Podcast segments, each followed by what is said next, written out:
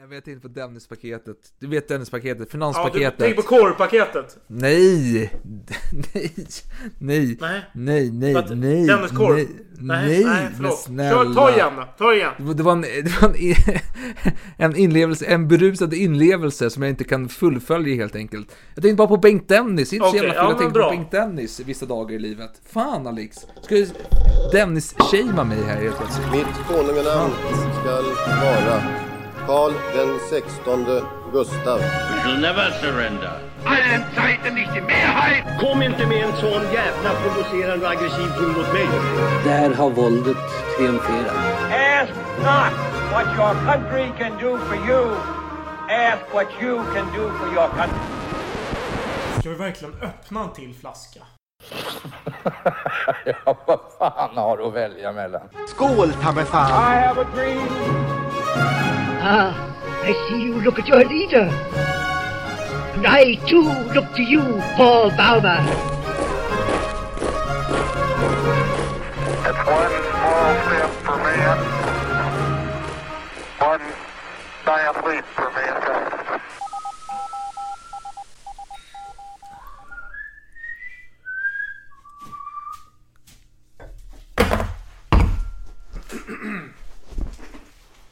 Oh. Är du tillbaka? All, alldeles klar, nu är jag tillbaka. Jag har tagit en bitburger från kylskåpet. Jag ska nu knäcka den så ni alla kan höra.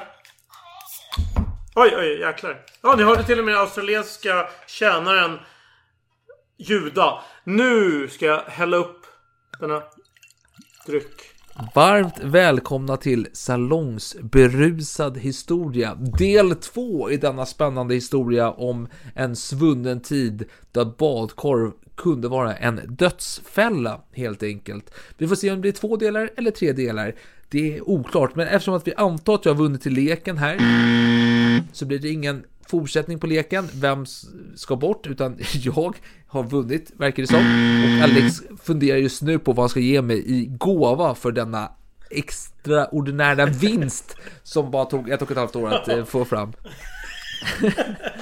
Vi är väldigt inkompetenta helt enkelt när det kommer till sådana här lekar. Men, men jag, jag tycker ändå att leken fyller ett härligt syfte i mitt perspektiv. Utan jag får sitta och fundera ett tag, jag får dricka lite vin, jag får börja bli lite salongsberusad till och med. Så att jag kommer in i rätt sinnesstämning för själva avsnittet när det väl börjar då, det vi ska prata om. Och nu ska vi fortsätta prata om detta ämne. Vi, om vi ska säga så här, ni bör ha lyssnat på del 1 innan ni lyssnar på denna del. Men för er som inte har lyssnat på del 1, eller inte minns att ni har lyssnat på del 1 och undrar vad fan hände i del 1, så var det så här att det var en man, Henry Williams, träffade en kvinna, Bessie hette hon.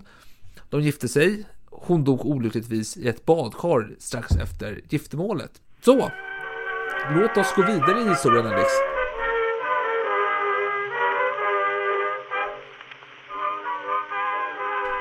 Ja, det var en mycket vulgär sammanfattning här. Jag, jag, jag vet inte om hur jag ska kommentera den. Men jag delar helt din uppfattning här om, om eh, stämning och så vidare. Nu, nu har jag helt till och med glömt bort vad, vad det var för känsla som jag tyckte att jag delade med dig. Men det är skitsamma, för nu går vi vidare. Det är jävla bitburgern alltså. Bitburgen eh, sänkte mig och den är på hela... Ska vi se, läsa eh, förpackningen. Det står... fan, står det? 5,2. 5,2. 4,8 till och med. Fy fan, jag har ju knappt börjat. Ja, jag skäms, jag skäms. vill- nej, du behöver inte skämmas. Det är inte alkoholen, det är kvaliteten man är ute efter. Men 4,8 är en ganska, känns inte den ganska ovanlig? Det känns som att det är 4,5 eller 5,2.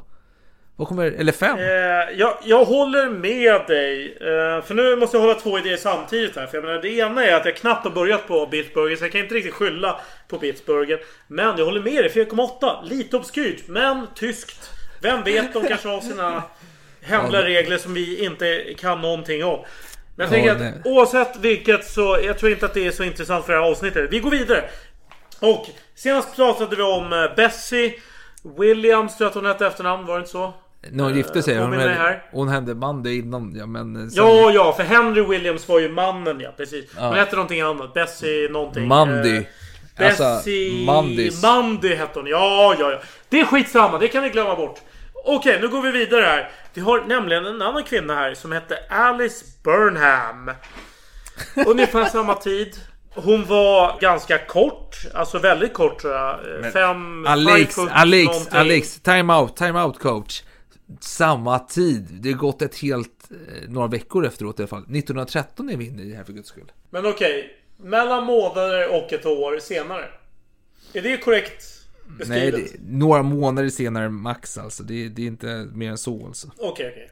Några månader senare, efter de här förskräckliga händelserna med eh, Bessie Mundy. Visst hette hon så? Ja, det hette hon. Det hette hon. Hände någonting annat. Ja, nämligen så eh, en, en annan kvinna som heter Alice Burnham. Eh, och om jag ska ge henne en beskrivning, för jag tycker det är relevant sen. Vi kommer till det eh, senare. Eh, hon var väldigt kort och hon var överviktig och hon var gladlynt. Kvinna på 25 år. Och eh, hennes pappa var en välbeställd kolhandlare. Tillhörde en troende kristen familj. Så att hon hade, hon hade pengar och det var en kristen familj. Eller ja, alla var ju kristna men ja, det fanns ju grader av eh, religiositet. Det här var då på den högre skalan. Det var ganska eh, religiösa. Eh, och Alice började sin karriär som barnskötare.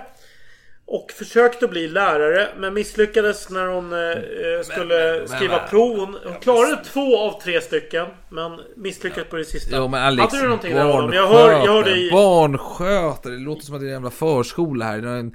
En, jävla eh, barnträdgård eller någon sån jävla skit. Liksom fan hon undervisade föräldralösa barn. för Jag uppfattar det som att du, du reserverar dig för ordet barnskötare. Även om jag inte har hört någon annan förslag. Men någon form Jo, av lärare. jo, men vänt, vänt, Alex, Men- Alex, Alex, Alex, Alex. Ja. Jag jobbade själv som barnskötare i nästan tio år i mitt liv för guds skull. Det är en jättefin titel alla dagar i veckan. Men hon var inte en barnskötare, hon var en lärarinna för föräldralösa barn. Absolut, jag, jag köper det. Men min följdfråga blir att hon försökte ju då eh, bli godkänd som någon, någon form av lärare. Ja, för att undervisa äldre barn, inte, inte några sådana här noll. Ja, det var alltså, för äldre barn. Ja, ja, ja. Ja, alltså det är väldigt svårt att tyda liksom dåtidens eh, skolsystem. Med Somliga har koll på läget vet du. Men hon misslyckades då med att försöka söka till en... Eh, att bli behörig för en äldre eh, barngrupp. Eh, jag hoppas att jag uppfattar det här korrekt. Hon Ja. misslyckades med det. Och då blev hon bitter. Så hon började istället söka sig till en helt annan eh, yrkesutbildning. Och det var just det här med sjuksköterska. För det var otroligt hippt på den här tiden. Hon hade Florence Nightingale. Det var väldigt mycket hype kring det här med sjuksköterskor. Absolut. Och eh, framförallt var det jättebra för henne. Hon var ju i, vad ska man säga, medelklass. Kanske lägre medelklass.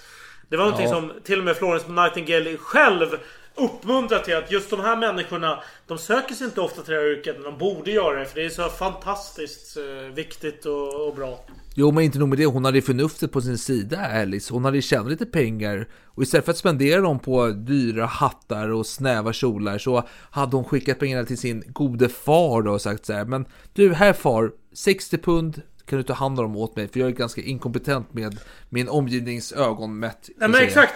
Men, men nu föregår lite händelserna här. Jaha, Absolut okej. är det så. Det är ju först när hon har tagit den här utbildningen då, och att hon har börjat arbeta just som sjuksköterska.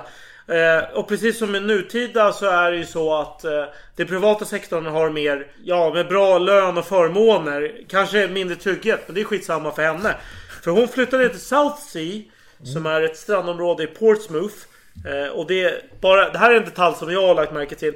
Cirka 13 mil öster om Weymouth, som vi nämnde i tidigare avsnitt.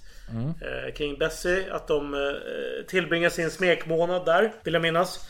Ja, ja, ja. Men hon började i alla fall jobba privat då här i South Sea och tog hand om en äldre man som hette Mr Holt. Som var en pensionerad bankir. Eh, och hon tog hand om honom i cirka tre år. Så vitt jag vet så började hon jobba cirka 1911. Och eh, hade lyckats spara ihop, precis som du har nämnt, eh, 60 pund under den här perioden. Alltså fram till eh, 1913 som är den eh, intressanta perioden som, vi, som jag kommer prata mer om nu. Och de här pengarna, precis som du har nämnt, så skickar hon dem vidare till sin far. Ja, o, lite oklart varför, men det ligger lite i tiden att det är män i familjen som har koll på pengarna. Hon tänker att jo, men min, min far har bättre koll på det här än vad jag har. Så att jag skickar pengarna till honom så ser han till att skicka det jag behöver till eh, mig. Alltså nu är min tolkning av hur hon tänker sig. Och eh, helt plötsligt, out of the blue, i mars 1913 så fick hon läkardiagnosen peritonitis. Oj. Oj. Oj, oj, oj, vad är det för något? Tänker alla. Bukhinneinflammation och liknande kanske? Det är nästan så illa som, som jag själv har eh, anträffats av. Eh, Tar, blindtarm alltså? ja, exakt. Vad fan heter det? Heter det panker? Ja, jag, jag, är- jag är för full för att komma ihåg. Men det är blindtarm. Nej, det var inte blindtarmen. Det var faktiskt någonting annat. Men det krävde en större bukoperation. Det här var ju väldigt chockerande för henne. Lyckligtvis för hennes del så gick den här operationen bra. Däremot efterlämnar ett R. Och jag vet inte ens om det här är relevant för, för eh, den fortsatta historien här. Men hur som helst. Operationen gick bra som sagt. Och eh, bara, eh, ja vad ska man säga? Sex månader senare blir det väl? September. Men, men vänta Alex, Alex, det viktiga med operationen är väl ändå att läkaren säger att men hon är en robust kvinna, men hon är jävligt frisk alltså. Jävligt frisk. Alltså hon är, hon är hälsosam alltså. Hon, hon har ett bra sunt hjärta. Hon har ett leende på läpparna. Hon gillar livet. Hon kommer gå långt i livet. Hon kommer leva länge. Godglad, kexchoklad. ja, men sex månader senare så blir hon ännu mer godglad. För då träffar hon en ja, något äldre man som kanske inte är positiv för alla. Men ja, han heter George Smith. Han var runt 40 år. Ja, efter lite mingel och sådär. Så bjöds hon hem till George för te. Och det var inte långt från stranden. Det var liksom Kimberley Road här. Alltså, wow. En fin adress och bjöds på te. Det är väl trevligt? Tänker jag. Ja, Earl Grey. eh, Bra te liksom. Ja, nej men i alla fall. Och sen en månad efter att ha träffat den eh, fantastiska George Smith. Så skriver Alice hem till sin familj. Och berättar att hon hade tänkt gifta sig.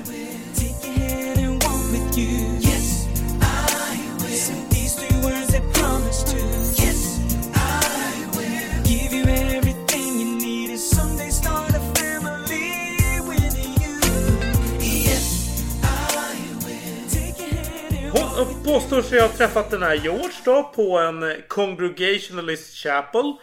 Alltså, jag vill påminna er om att att Alice är eh, religiöst lagd.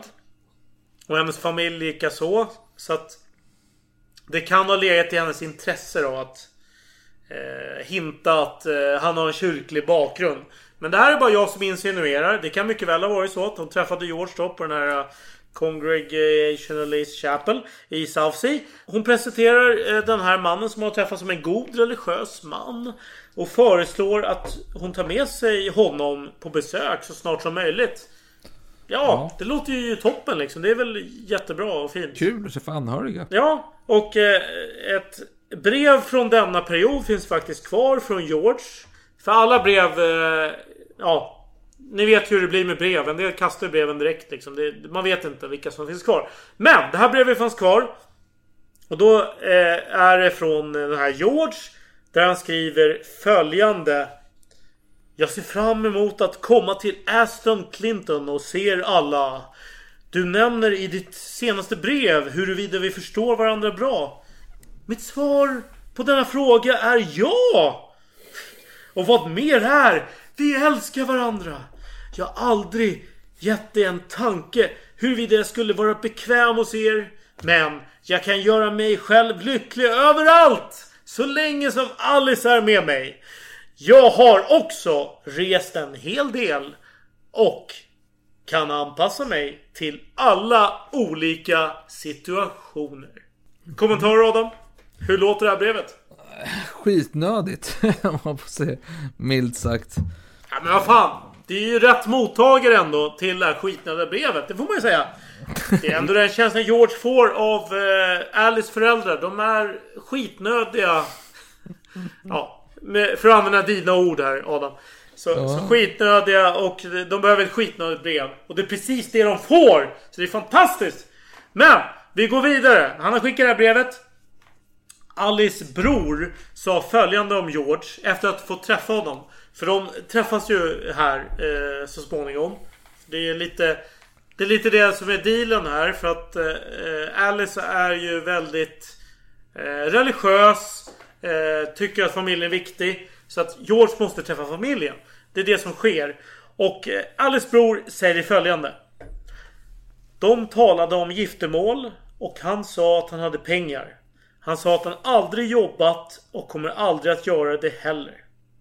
Familjen tyckte inte särskilt bra om George för de fick det här intrycket att han var undflyende och han fick frågor och berättade bara att han varit i Kanada och att hans pappa var en drickande man. Och eh, alltså Alice pappa Charles beskriver George med följande ord. Han hade en något spetsig haka, en skrynklig nacke. Han gick med stela knän. Med fötterna som pekade utåt. Ett eh, slappt sätt. Han rökte cigarrer. Klädde sig i slips. Bar en guldring och en klocka med självlysande siffror. Man får tänka så här. I, I en så pass troende familj så räckte det inte med att träffa pappan. Man måste träffa hela familjen. Så att härnäst eh, på tur då så skulle Henry träffa Alice syster Annie. Och eh, det var så att Annie hade tidigare gift sig och hade fått 10 pund av Alice. Men eftersom hon var en god kristen... Ja, jag, nej jag ska inte värdera jag, jag vet inte. Hon vägrade ta emot de här pengarna. Eh, eller hon, hon, hon, tog emot pengarna men hon sa så att Ja men om du ger de här 10 punden då måste du ge... Då måste jag få ge dig dem tillbaka om du verkligen behöver dem. Så det var mm. så här I you. Typ. Ja, Jag, jag, vet inte vad det kallas på svenska. Men eh, typ en skuldlapp kan man väl säga. Ja. Men nu ska vi träffa den här systern då. Eh, Annie. Som var skyldig, eller ja, ja. Mer eller mindre skyldig 10 pund. I alla fall. George presenterade sig som en man som inte behövde tjäna sitt levebröd. Alice hade också bett om att få prata med Annie om de där 10 punden helt plötsligt. Det är lite udda ändå. Att när de väl dyker upp. Alltså när väl Alice dyker upp så dyker det upp en ny man. Och vill direkt diskutera de här 10 punden som som Annie hade fått som eh, bröllopsgåva. Mm. Det är lite märkligt kan jag tycka. Men ja, absolut. Men samtidigt var det ju Annies idé det här med att betala tillbaka pengar. Det var inte Alice som hade sagt det. Nej, det var det... Annie som kände bara Tack för de här 10 punden. Jag, jag, jag, jag kommer ge dig de pengarna tillbaka. Absolut. Jo, det känns som att det är lite underförstått ändå på något sätt. Att eh, de här pengarna är eventuellt på lån. Ah, ja men det är en bra poäng. Det kan absolut ha varit eh, så. Nu hade i alla fall när George och eh, Alice, de hade då levt hos Alice föräldrar ett tag här. Och, och pappa Charles, han började tröttna. För han fick känslan av att George, han var en ond människa. Han kunde inte sova med George i huset. Och eh, den ursprungliga planen var att eh, George och eh, Alice skulle bo hos eh, Charles eh, några dagar. Men snart så började pappan att protestera mot det här med giftermålen. Han, han kände jättedåliga vibbar helt enkelt. Han yppade de här protesterna eh, där kort efter att eh, de hade besökt den här systern och att han var emot det där giftermålet. Och därför så lämnade Alice och George honom eh, dagen efter. Och jag tror att det var på Alice initiativ. Hon kände att här är vi inte välkomna. Sen vems fel det är, det går att diskutera. Men nej, det här känns inte bra. Vi åker vidare. Men väldigt snart så börjar de sätta de här planerna igång då. Att nu ska det bli ett giftermål. Och eh, väl tillbaka då i South Sea så gick de till en försäkringsmäklare och tecknade en livförsäkring åt Alice. Och det var alltså innan bröllopet hade ägt rum. Men det gjorde de. Men väldigt snart så ägde det här bröllopet rum. Och cirka 1930 samma dag så gick paret på en hälsokontroll. Vilket är lite märkligt ändå. Det är alltså ett bröllopsdag. Du har gått och gift dig. Och sen samma kväll så går du på en, till doktorn och ska gå på en hälsokontroll. Men det var, det var på det här försäkringsbolagets begäran. För de hade ju tidigare tecknat den här livförsäkringen och då var det intressant då att gå dit och kontrollera hälsan. Eh, och läkaren konstaterade att Alice var frisk. Jag tycker ändå att det är lite osmakligt här av, av ja, framförallt maken då. Om det nu var han som insisterade på att de skulle gå till någon, någon slags doktor här samma dag som bröllopsdagen. Ja, det hade, det hade vi kanske inte... Bröllopsdagen hade vi kanske inte samma romantiska skimmer över sig som det har idag. Det, nu är liksom, ska man gå ut från kyrkan, ska kastas lite ris, man ska gå och sätta sig i någon liten fancy bil där, genom någon äldre modell, åka iväg någonstans, så kommer man in på någon lokal där alla samlats och helst en gratis bar dessutom och lite god mat och folk ska dansa och festa. Det är lite den känslan man har idag kring bröllopsdagar helt enkelt. Men på den här tiden då var det lite gymnastikövningar hos doktorn helt enkelt för att eh, se att man var helt frisk. Flexa lederna helt enkelt. Ja, absolut. Och en annan sak som Alice fick göra på sin bröllopsdag. Det var att skriva till sin far och tigga pengar. Ehm, En klassiker. Ja, det var ju så. Eh, Men den fadern, han, han blev ju illa berörd när han fick de här eh, breven. Vad fan, vadå? Skicka pengar? Eh, Men vänta nu. Jag har ju träffat den här George. Han, han säger ju att han är rik. Vad fan, det finns ingen anledning för mig att skicka pengar. Vad fan, han, han har ju massa pengar. Så att, eh, nej. Det blir nekande brev. Eh, men med det här nekande brevet då, då börjar ju helt plötsligt maken då i familjen lägga sig i. Alltså George.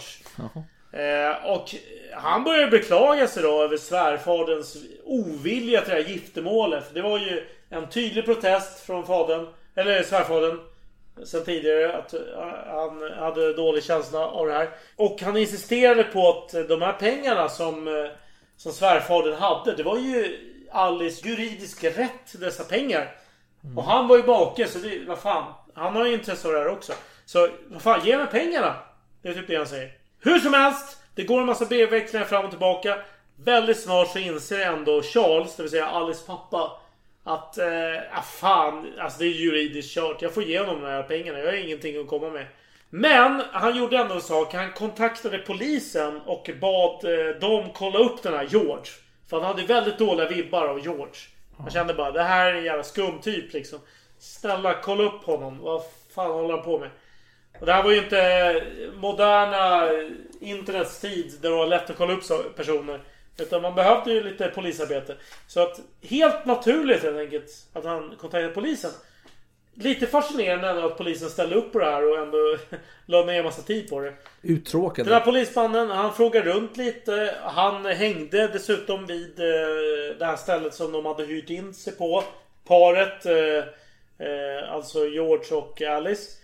Och vid något tillfälle så var de båda hemma. Och då började polismannen fråga George om hans handlingar för att kunna visa upp identitet och så vidare. Och eh, han fick en jättedålig känsla om den här George. Han eh, noterade att George är av en misstänksam natur. Samtidigt som han beskrev Alice som en kvinna av ett överlägset slag. Och min kommentar kring det hela är att det är lite oklart om man menar jämfört med George. eller om man menar generellt liksom jämfört med vanliga människor. Alltså överlägsen vem egentligen. Bra fråga. Ja. Bra fråga. Oklart.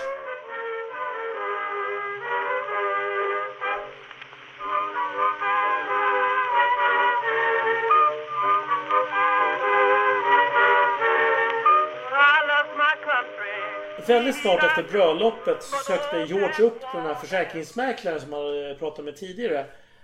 Och eh, informerade mäklaren om att han hade gift sig med Alice. Och då fick han veta att eh, ja, men då blir det en premie va? För att om du är gift, då måste du betala lite extra. Och George bara Va? Extra? Glöm det!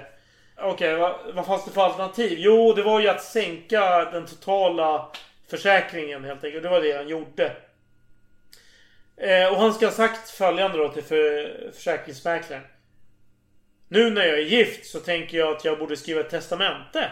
Där jag lämnar allt till min hustru. Som en gift man bör göra. Så det var helt out of the blue. Helt plötsligt kommer han och bara säger att ja men vad fan. Det finns ju försäkring på hustrun här men vad fan jag borde ju skaffa en livförsäkring, eller hur? Eller, eller, eller ja, oklart vad det var för försäkring han tecknade tidigare. Skitsamma. Man tyckte att det var viktigt att han tecknade en livförsäkring till hustrun. Men då sa ju försäkringsmannen följande att Nej men vad fan. Hörru George. Jag är ju för fan en försäkringsmäklare. Jag kan ingenting om sånt där. Kan du inte gå till en jurist istället? Då svarade George. Hörru. Jag föredrar inte att ha med jurister att göra. Så försäkringsmannen gav upp helt enkelt. Bara okej, ja men jag kan klottra ihop någonting. Så, ja, jag vet inte om det är giltigt rent juridiskt, men fan. Jag kan göra mitt bästa. Alex, Alex, jag måste bara få rätta det här lite. Försäkringsmäklare idag, vi kallas för försäkringsförmedlare. De tycker att mäklare låter så negativt. Rätt benämning idag, om man ska ta hänsyn till försäkringsmäklare, är försäkringsförmedlare. Okej. Ja men tack för det. Den uppdateringen 2022. Ja. Eh, 2030 kanske det är helt andra benämningar men jag tackar för det. Jag tackar för det. Ja, i alla fall. Och George kommentar på det här som eh, försäkrings... Vad sa du? Förmedlare? Ja, förmedlare. Ja. Ja. Som han tecknade ihop. Han, han sa följande. George sa att ja, men jag tror att det duger så. Och försäkringsförmedlaren var lite tveksam. Men George tillade att eh, helt out of the blue. Jag skulle aldrig tänka tanken att låta min fru göra samma sak. Men besynnerligt nog så dök hans fru upp. Alltså Alice dök upp några veckor senare. Till den här försäkringsförmedlaren. Och eh, ville skriva testamente. Och, och testamentet var att ge allting till George. Lite underligt med tanke på det som George precis sa här. Jag vet inte. Och eh, helt plötsligt så kände George att nej men nu ska vi till bröllopsresa här till Blackpool. Ja, alltså jag, jag kan inte bedöma om det är en fantastisk bröllopsresa. Tänk att det ändå var på början av 1900-talet. Det var inga, inga Hawaii-resor var ju liksom i horisonten. Jag, jag tänker inte värdera den här resan. Det kanske är en jättefantastisk resa. Men jag vill bara ändå hävda det. Det var i december. Och jag tänker Blackpool i december. Det låter inte helt underbart. Men det är, ja, alltså. Vem är jag att döma? Vem är du Eh, Alex att döma? Jo, Ja. ja. nej men George, romantiken här, hade en plan. Så det var eh, Blackpool december. I alla fall. Nu var de i alla fall i Blackpool i december och eh, paret dök upp eh, och en hyresvärdinna, eh, random, eh, jag kan inte säga varför de gick just dit. Men i alla fall hon eh, tog emot dem och visade dem ett rum på första våningen som de accepterade. Men efter lite konversation med mannen, det vill säga George, så frågade George helt plötsligt Finns det ett badrum? Då svarade hon nej. Och då svarade han tillbaka Nej. Ja, det duger inte för oss om det inte finns ett badrum. Eh, och då eh, till slut fick de ett tips om ett annat ställe i närheten som de kunde gå till. Där det kanske fanns ett badrum. Eh, och då gick de dit och på det nya stället, det var inte George som frågade, det var istället Alice. Som, jaha, ja, men finns det badmöjligheter? Eh, och då sa de, ja, jo men det gör det. Och då kommenterade George, ja men det, det, det är okej i så fall. Och eh, de spenderade några dagar på det här eh, tillhållet då i Blackpool. Med att dricka te, skicka brev. De var ute på stan också. Jag vet inte exakt vad de gjorde. Det är oklart. Eh, någon morgon dock svarade Alice att hon hade viss huvudvärk av resandet. Jag vet inte hur nära inpå det var själva resandet till Blackpool. Kan det ha varit en dag efter eller två dagar eller tre? Oklart. Men förutom det så har hon sovit eh, gott. För det var ju en typisk fråga som hon fick av hyresvärdinnan. Har du sovit gott? Då var hon lite svensk här. Eller är man svensk när man säger ärligt hur man mår? Hur mår du? Är det, är det svenskt att svara på hur man mår på riktigt eller? Nej, jag skulle inte påstå. Jag, jag skulle säga att man säger alltid bra. Vem är det som säger att det inte är bra då? Eller vem är det som försöker... Det känns som att det är fransmän som gnäller så jävla mycket och är jävligt jobbigt folk helt enkelt. Men svensk vill, vill inte okej. vara till problem. Man säger att allting är bra, allting är bra. Så länge det finns svenskt kaffe på rummet. För att parafrasera Sällskapsresan här. Några frågor? Finns det svensk kaffe på hotellet? Ja, det finns svensk kaffe på hotellet, ja. Norskt då? Ja, det finns Utan att besvara frågan om det var svensk kaffe på rummet Så kan vi konstatera att hon var väldigt fransk av sig och konstatera att hon hade en viss huvudvär- huvudvärk. Eh, och så småningom under den här uh, smekmånaden får, får man väl kalla det. Så eh, såg de till att besöka en läkare angående de här besvären. Och Ja. läkaren kommenterade följande om Alice. Att hon är rätt så gladlynt. Nu försöker jag citera här. Eh, rätt så gladlynt. Hon var kort, blek kvinna, extremt fet. Från en medicinsk synvinkel så verkar hon ganska frisk. Det var eh, läkarens utlåtande om denna kvinna. Och läkaren frågade henne om hennes tarmar. jag vet inte vad... Standardfrågan. Ja. Eh, men på något sätt fick, hon, fick han svaret då att eh, hon var förstoppad. Eh, intressant, tyckte läkaren kanske. Och han gav henne då huvudvärksmedicin. Det var för, förmodligen inte mot förstoppning i och för sig. Men det var i form av 12, 12 tabletter. Eh, som innehöll eh, antifebrin, koffein och heroin. Vilket skulle, citat, lätta huvudvärken via blodsystemet. Hon fick dessutom en eh, bonusläkemedel här i form av en magblandning. Som bestod av bakpulver, rabalber, eh, gentiana, vilket är en, någon form av medicinväxt, och kloroformvatten.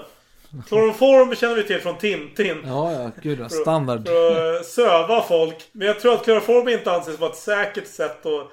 Nej men Alex, Alex Eh, vi, har söva faktiskt, folk. vi har faktiskt ett närmare koppling till kloroform än eh, Tintin. Vi har ju avsnitt om kirurgen, kirurgins historia här. Där vi pratar om Liston och company. Ja, jag, jag förstår precis vad du menar men ingenting kommer ligga mig närmare om hjärtat än Tintin så att... Nej, jag, jag det- förstår vad du säger men... Du har en poäng i det. Du har en poäng i det. Men hur som helst, den här huvudvärken som hon klagade över, den lättade aldrig.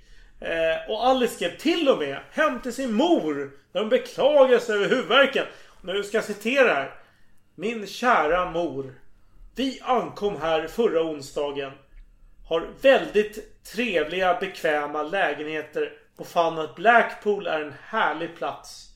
Jag är ledsen att behöva säga att jag återigen lider av hemsk huvudvärk som krävde ett läkarbesök. Och tar medicin.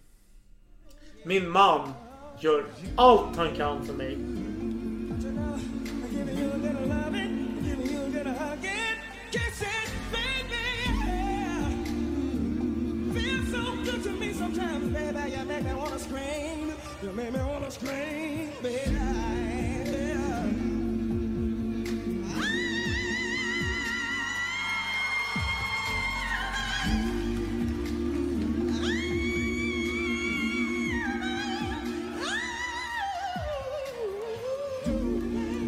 Faktum är, kära du, att jag har världens bästa make. Med varm kärlek från oss båda. Med kärleksfulla hälsningar, Alice. Oj, oj, oj. Ja, och hon nöjde sig inte där. Hon skickade inte bara brev till sin mor utan skickade även två vykort till sin syster. Där hon nämner just det här med huvudvärk båda gångerna. Och att George har insisterat att hon ska träffa en läkare. Lite kanske too much detail. Varför ska jag bry mig? Lite suspekt kanske. Beror lite på vad man har för infallsvinkel. Ja, men det gäller att, att, att berätta för sina anhöriga att man faktiskt mår lite dåligt. Det är väl inte helt fel att göra kan jag tycka. Det är sant och, och dessutom menar George är en obekant då för familjen så det är kanske bra att påpeka att det är han som har insisterat inte, ja, bara för att, ja, visa att han är good guy, inte en bad guy. Precis, han bryr sig om mig. Han vill att jag ska se en läkare. Ja, men nu till det här med, det var ju en jäkla fass om när de ska hitta en lägenhet att det var viktigt med en badkar. Nu är det äntligen dags att använda det här badkaret. Det Ja. tycker jag är relevant att nämna. Kul! Roligt. Ja. Och George och Alice, de hade anlänt till lägenheten strax före klockan 20. Eh, och hyresvärdinnan hade förberett badrummet. Som var på samma våning som deras lägenhet som de hyrde då. Eller lägenhet, det var ju... Egentligen var det ett sovrum och ett sittningsrum. Ett rum plus ett rum, så att säga. Ja, ja men en vanlig lägenhet kan man väl säga. Alltså, eller vanligt hotellrum. Typ. Ja. Eh, alltså inte low budget, men nor- normal budget. Ja. Men i alla fall, hyresvärdinnan Hon hade tänt gasljusen och dragit för gardinerna på det här badrummet. För man får tänka att det är ett, det är ett särskilt rum. Alltså det, är ingen, det är helt avskilt från resten. Eh, det, är, det är som ett eget hus nästan. Eh, och... Eh, men överlät då till Alice. Eh, för på något sätt hade hon fått veta att det var Alice som skulle bada. Att Alice får eh, öppna kranarna. Eh, för det var nämligen ett eh, badkar som var kopplat till avloppet. Vilket inte alls var helt säkert att det var vid den här tiden. Det kunde lika gärna vara att man fick eh, lösa det på något annat sätt. Alltså komma med baljor och hälla i karet och sen ta ut det med samma baljor. Precis alltså, som med Bessie Mandy, då var det manuellt påfyllning och avtömning utav badkaret. Ah, precis. Och när allting var förberett då eh, för det här badet så informerade hon Alice om att eh, nu är det dags.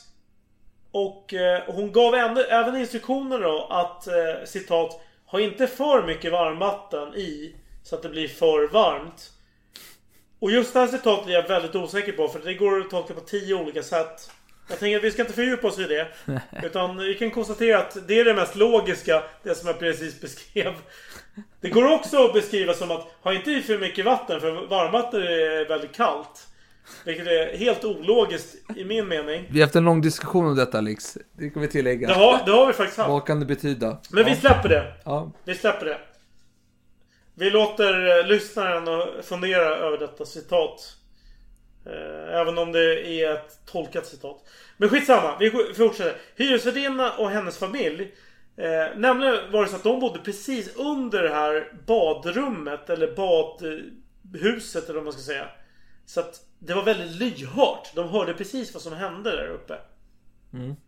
Och eh, eh, kvart över åtta så märker de att det helt plötsligt börjar sippra vatten ner från taket i... För de var i köket tror jag. Eh, precis under badrummet. Så kunde de se att det började rinna från taket ner på väggarna. Och så tänkte de bara, ah fan när Alice har eh, låtit det översvämma badkaret på något sätt. Så de diskuterade sinsemellan, för det var en hel familj ja. Eh, hyresvärdinnan och hennes make och barn och så vidare. Alla jobbade ju inom familjeföretaget så att säga. Så att jag kommer ju eh, benämna dem som hyresvärdinnan i, i vissa fall. Men jag menar ju att det är en av de här personerna. Hur som helst. De börjar diskutera sinsemellan. Fan, hon håller på att spilla massa vatten här. Ska jag gå dit och säga till henne nu på en gång? Men så kommer de fram till att, vad fan, ja, men nu skadan är redan skedd. Låt henne bada klart så informerar vi henne, henne senare liksom att det där är inte okej.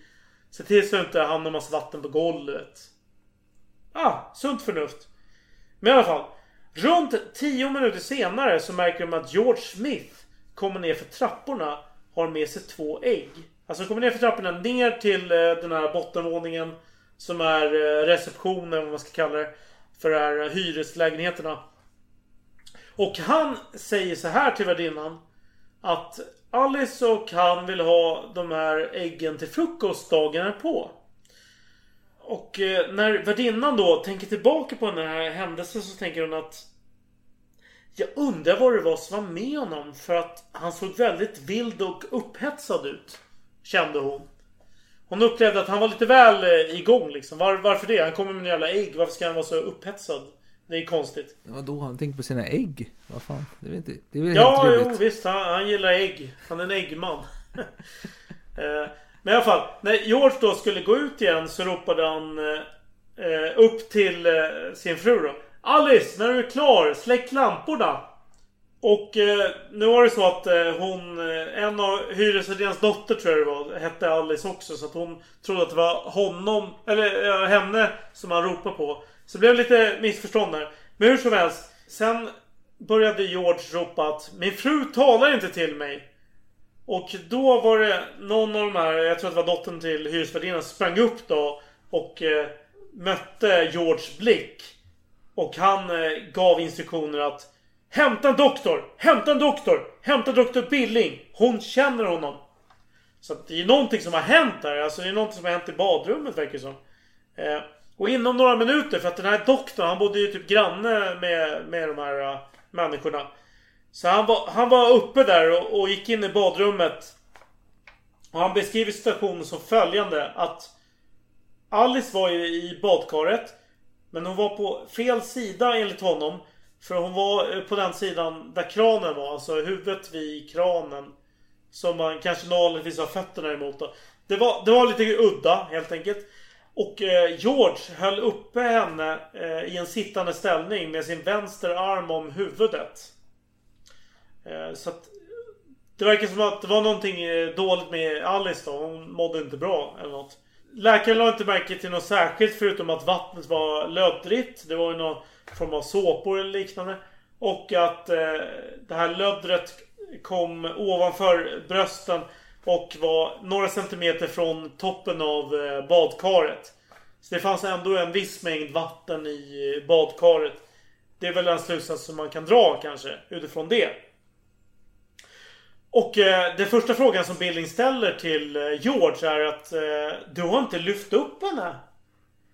Och då svarar George att nej, men jag klarar inte av det. Alltså, vi, vi ska ju ändå näm- nämna att eh, George har ju visat upp sina biceps här tidigare. Han är ju ganska stark. Har du något, något att kommentera innan jag fortsätter? Ja, alltså jag säger att eh, George och Henry är olika personer. Eventuellt. Jaha, ja, ja, ja. Ja, förlåt. Jag blandade kanske ihop här. Ja, jag ber om ursäkt om det. Okej, vi fortsätter. Eh, George svarade som sagt att han inte klarar av det. Billing undrar varför han inte har dragit ut proppen så att vattnet rinner bort. Det är kanske är rimligt om det nu är något problem med, med damen som ligger i badkar. Då kanske man ska dra, dra ut vattnet liksom. Särskilt om det finns risk för eh, drunkning. Eh, men då, hade, då svarade George så att nej men det har jag inte tänkt på. Viktoriansk prydhet kan man säga kanske.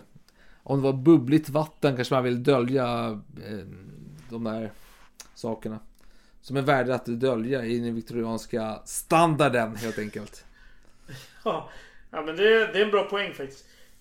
För det, det får man ju ta hänsyn till här. Men i alla fall, eh, doktorn och George hjälptes åt då att lyfta ut henne ur badkaret. För det var ju viktigt för att hon verkade inte må bra. Så att man behövde ju se till att hon eh, kunde ja, återuppväckas eller vad man ska kalla det. Eh, så Billing försökte få igång eh, henne genom att pumpa igång hennes hjärta. För han eh, märkte att hon inte andades. Men han märkte att det bara rann fradga och vatten ur mungiporna. Och han insåg väldigt snabbt utifrån hans kliniska eh, erfarenheter då, att hon var död. Polisen fick ju då ingripa och eh, beskriva situationen. De såg inga tecken på våld. Men polismannen noterade att golvet var vått och att det inte fanns några kläder i närheten. Han förhörde George. Som berättade att eh, Alice hade den här hudvärken och att efter en promenad så ville Alice ta ett bad. Och då berättar George citat. Runt 15 minuter efter att hon hade gått i badet så ropade jag på henne att släcka ljusen när hon var klar. Jag fick ingen svar från henne. Samtidigt så kommer fru Crossley upp och trodde att jag ropade på henne. Vi båda tittade i badrummet och jag fann henne eh, under vatten. Jag lyfte huvudet ovanför vattenytan och höll det till doktorn kom. Sen lyfte vi ut henne ur badet. Doktorn undersökte henne och förklarade hennes liv som utslocknat. När George gick ifrån polishuset där han hade blivit förhörd eh, så dök det upp en polisman som frågade honom Ska du ta med henne hem och begrava henne eller ska du begrava henne här? Och han svarade Jag ska begrava henne här. Jag ser, inga, jag ser ingen mening med att ta det hem eftersom mina resurser är begränsade. Det fanns vittnen från den här tiden som beskrev George som kylig och obrydd. Så att han var ju... Det kändes som att... Och hans fru hade dött men han var ju väldigt känslokall. Han, ville, han var väldigt praktisk av sig. Han ville bara sticka därifrån liksom. Det var den känslan som folk fick i alla fall. Mm. Och eh, samma kväll som Alice dog eh, så skrev George ett brev till hennes mor. Han skrev följande. Alice är väldigt sjuk. Jag ska koppla till dig imorgon. Just det här med att koppla till dig. Man får tänka så här. Det fanns telegram och så fanns det brev. Brev tar längre tid men då kan du skriva längre. Alltså eh, man kan jämföra med e-mail och Twitter. Du kan twittra att hörru jag, jag kommer mer info imorgon. Det betyder att du kommer mejla. Du kanske ska ta posta och eh, Twitter Alex. För posten kommer ändå med Ja. två dagars mellanrum och sånt där. Förutom, om det inte är helg det vill säga, men eh, Twitter sker ju direkt. Vilket även e-mail gör också. Jo, men min, min, min poäng är att jag twittrade. Det var ju det han ville åstadkomma. Han ville få ett snabbt meddelande till modern att någonting har hänt, men du får detaljerna lite senare. Jag twittrar ut att din dotter har dött, men du kommer få ett, ett brev framöver från Postnord. Där jag skriver utförligt Jag skriver som under på din beskrivning, men han säger faktiskt inte att hon har dött. Han skriver att hon- är väldigt sjuk. Ja. Men ja, det är det han försöker... Ja, han lindar in då. I alla fall, George eh, bad hyresvärdinnan att skicka brevet samma kväll. Det här är alltså samma dag som Alice har dött. Så det är väldigt mycket här som behöver göras, eh, formalia. Eh, och man noterar att George la 3-4 ringar från spiselkransen. Oklart vilket rum det handlar om. Eh, men han la eh, ringar då från spiselkransen i sin väska. Och sa något inför ett vittne som fick vittnet att koppla ihop det med att det är Alice ringar. Alltså du har, du har den här döda kvinnan. Och de här ringarna som låg på spiselkransen, de har eh, George då lagt i sin väska. Lite eh, konstigt kanske. Eh, man noterade också att eh, liket, eh, alltså Alice eh, kropp, inte hade några ringar på sig när det flyttades. För då hade ju flera människor inblandade som skulle hjälpa till att lyfta lik och flytta runt dem och så vidare. Så kontaktar man en eh, begravningsentreprenör och eh, George ville följande citat. Begrava henne och göra en så billig kista som möjligt och få henne begravd i en allmän grav. Slutcitat. Eh, det vill säga, gör det så billigt som möjligt, snabbt som möjligt. Ja. Inga krusiduller. Och eh, mannen till hyresvärdinnan, för det var ju en liten familj där som... Eh, jag vet inte exakt vilka roller de hade men... Ja. Vi säger mannen till hyresvärdinnan. Han, han var med vid det här samtalet med den här begravningsentreprenören. Lyssnade in på det. Och så la han sig i för han tyckte att... Vadå, vadå billig kista? Hon ska fan ha en bra kista. Och om George... Om George inte vill betala, nej men då skulle ju, då, då gör jag det. Däremot så vet vi inte hur det blev med den saken. Eh, men däremot så var det, blev det väldigt tydligt att George var ju mest ute efter att få det gjort så snabbt som möjligt. Eh, så att han kunde åka därifrån. Eh, så att inte helt givet att det var, handlade om att det skulle vara så billigt som möjligt. Men att han skulle därifrån. Men mellan raderna, ja, han ville få det så billigt som möjligt. Ja, Ja. hur som helst. När, när det började bli läggdags då för eh, samma dag som Alice hade dött. Alltså det är en känslig kväll. Det måste vara hemskt. Alltså det, det är svårt att föreställa sig. Men i alla fall. Det börjar bli läggdags och eh, hyresvärdinnan hade väl säkert hört rykten då via sin man. Och började ställa frågor till George. Typ som, ja men hörru. Hur ska du göra nu när det är dags att sova? För du vet, jag kommer inte ha det i mitt hus. Nej. Eh, och då, då hade George svarat bara, "Jaha, varför inte det? Ja, okej då. Nej men jag kan sova i samma rum som hon är. Vad fan, hon är ju död. Hon kan inte störa mig. Eh, men, men då svarar hyresvärdinnan bara, va? Är, du- va? Är du dum i huvudet? Så, nej, nej du, du får fan inte sova med henne. Alltså nej. Gå härifrån. Jag, Jag, jag tänker inte acceptera det här huset. Typ. Eh, men på något sätt så gick de... Kom de överens, eller jag vet inte om det var mellan henne och eh, George då, men på något sätt fick eh, George sova här hos grannen. Hur som helst. Det, nu skulle ju då den här begravningen ske. Och helt plötsligt så dök anhöriga till Alice upp. Och det var ju väldigt oväntat för George. För han hade tänkt sig försö försöka få det här eh, klart så snabbt som möjligt, så billigt som möjligt. Så att när de väl dök upp och han fick höra om det bara, åh jäklar. Det kanske inte var så bra med att köra allmän grav, det vill säga det billigaste skiten möjliga liksom. Den billigaste graven. Så han, han gick till eh, begravningsentreprenören och bara, uh, uh, så här, kan jag få uppgradera det här till något finare paket liksom? Då sa de så här, ja jo men absolut kan jag få göra det men vi kommer inte hinna klart till det här uh, datumet som du har sagt att vi måste bli klart nu när som helst. Så då bara, ah, skitsamma. Vi, vi kör det billigaste möjliga och så håller vi tidslinjen. Tyckte George. Och på den här begravningen då dök ju då som sagt eh, anhöriga upp. Och man noterar att George, han bar ingen sorgedräkt överhuvudtaget. Däremot så hade han en svart slips. Men det var ju inte på eget bevåg utan det var ju svärmodern som hade tvingat honom att köpa en. Så det var ju någon slags skamgräns. Vad fan kan inte dyka upp en jävla Hawaii-slips liksom på begravningen för en fru? Det är fan inte okej. Och George han hade ju varit så snål så han hade ju inte beställt några blommor eller någon så här krans eller liknande. Så ingenting sånt fanns ju. Och problemet var att de här eh, närmast sörjande de, de kom ju verkligen i sista minuten. De hade ju fått åka expressfart för att hinna med begravningen. Så de hade ju inte hunnit förbereda några som helst inköp av blommor och så vidare. Så det blev ju enklast möjliga begravning. Fast inga blommor eller någonting. Och efter begravningen så berättade Alice mamma följande citat. Smith lämnade oss. Sade sig vilja hinna med klockan 12-tåget. Jag sa till honom. Vad ska du göra med Alice kläder? Han svarade. Jag sköter det. Kollar vem av hans systrar som behöver dem mest. Jag gav honom adressen till mina två andra döttrar och han eh, tog ner någonting.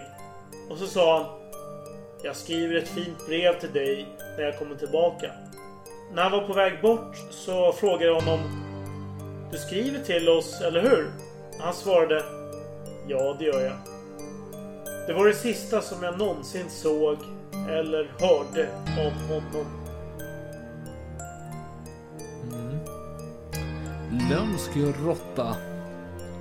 Den där uh, Smith. Det är någonting lömskt över honom, definitivt. Och därmed avslutar berättelsen om Alice. Eller ja, vår berättelse om Alice. Och jag tänker att du kan ta över och fortsätta berättandet om... Kan det vara Margaret? Jag tänker så här Alex, att vi får reda på upplösningen i nästa avsnitt. Tills dess, skål med fan! Ja men skål!